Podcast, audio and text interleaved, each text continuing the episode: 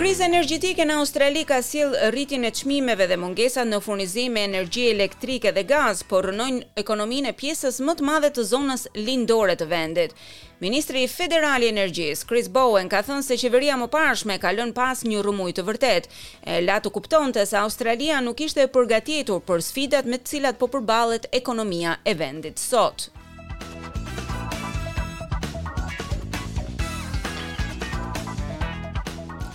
Koalicioni përpiqet të fajësojë qeverinë e re dhe pa përvojë të krahut laburist, por çfarë po e shkakton në të vërtetë krizën dhe çfarë do të bëjë qeveria në lidhje me këtë çështje?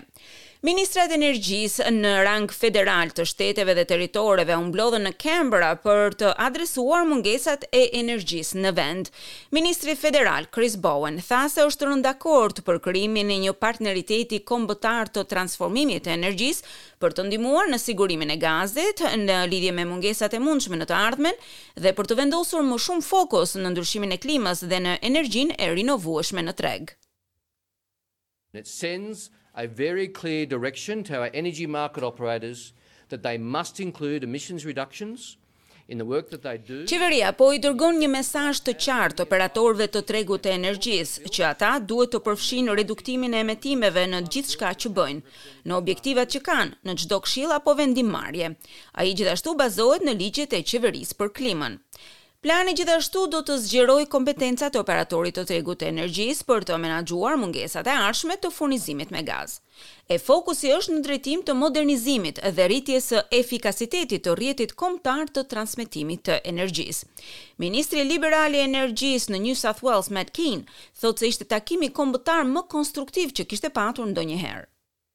This is the first time we're all on the same page moving forward to build a modern energy system that's going to benefit consumers. Është hera e parë që të gjithë kemi rënë dakord me qëllim për të ecur përpara për të ndërtuar një sistem modern energjetik, nga i cili do të përfitojnë konsumatorët, do të përfitojnë bizneset, do të përfitojë mjedisi, e më e rëndësishme, do të përfitojë ekonomia jonë.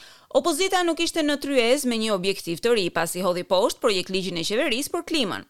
Të enjten në mbrëmje, udhëheqësi liberal Peter Dutton i tha ABC se partia e tij do të sjellë një politikë të re.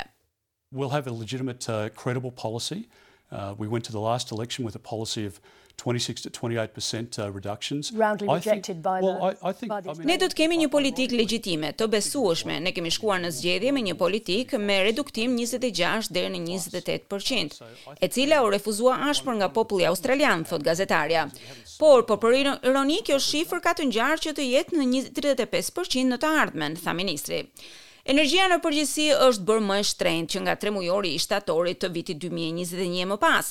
E ndërsa ekonomitë filluan të dilnin nga kufizimet e Covid, pati një rritje të kërkesës, pasi bizneset u rritën dhe njerëzit u kthyen në zyra.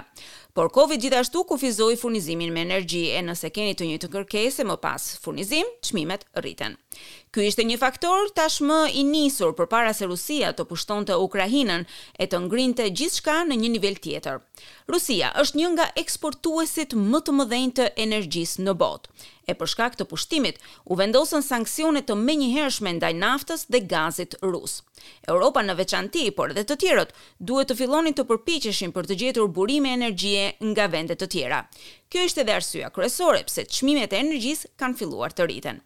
Ndërkohë, furnizuesi më i madh i energjisë elektrike në Australi është ende qymyri, por termocentralet e qymyrit në Australi janë të vjetra, shumë prej tyre të destinuara për mbyllje. Ka më pak mirëmbajtje, më shumë prishje. Në javët e fundit kemi patur pothuajse një të tretën e kapacitetit të qymyrgurit jashtë linjës, një tjetër arsye kryesore pse çmimet kanë filluar të rriten. Furnizimi me qymyr është prekur nga përmbytjet. Më pas vjen dimri, ku si gjithmonë rritet kërkesa për energji në të gjithë Australinë. Për vende të tilla si Victoria, e cila ka shumë ngrohje me gaz, kjo e ngarkon edhe më shumë situatën. E pra me sa duket, katër faktorë ndikojnë në gjendjen në të cilën përballet tregu energjetik në Australi. Rritja e përgjithshme e kostos së energjisë, pushtimi rus, ndërprerja e qymyrgurit, si dhe moti. Pyetja është nëse do të ishte kjo thjesht një gjendje e përkohshme apo nëse do të zgjatet edhe më tej. E me sa duket, plani i qeverisë laburiste ka shpresa që ta përmirësojë disi këtë gjendje.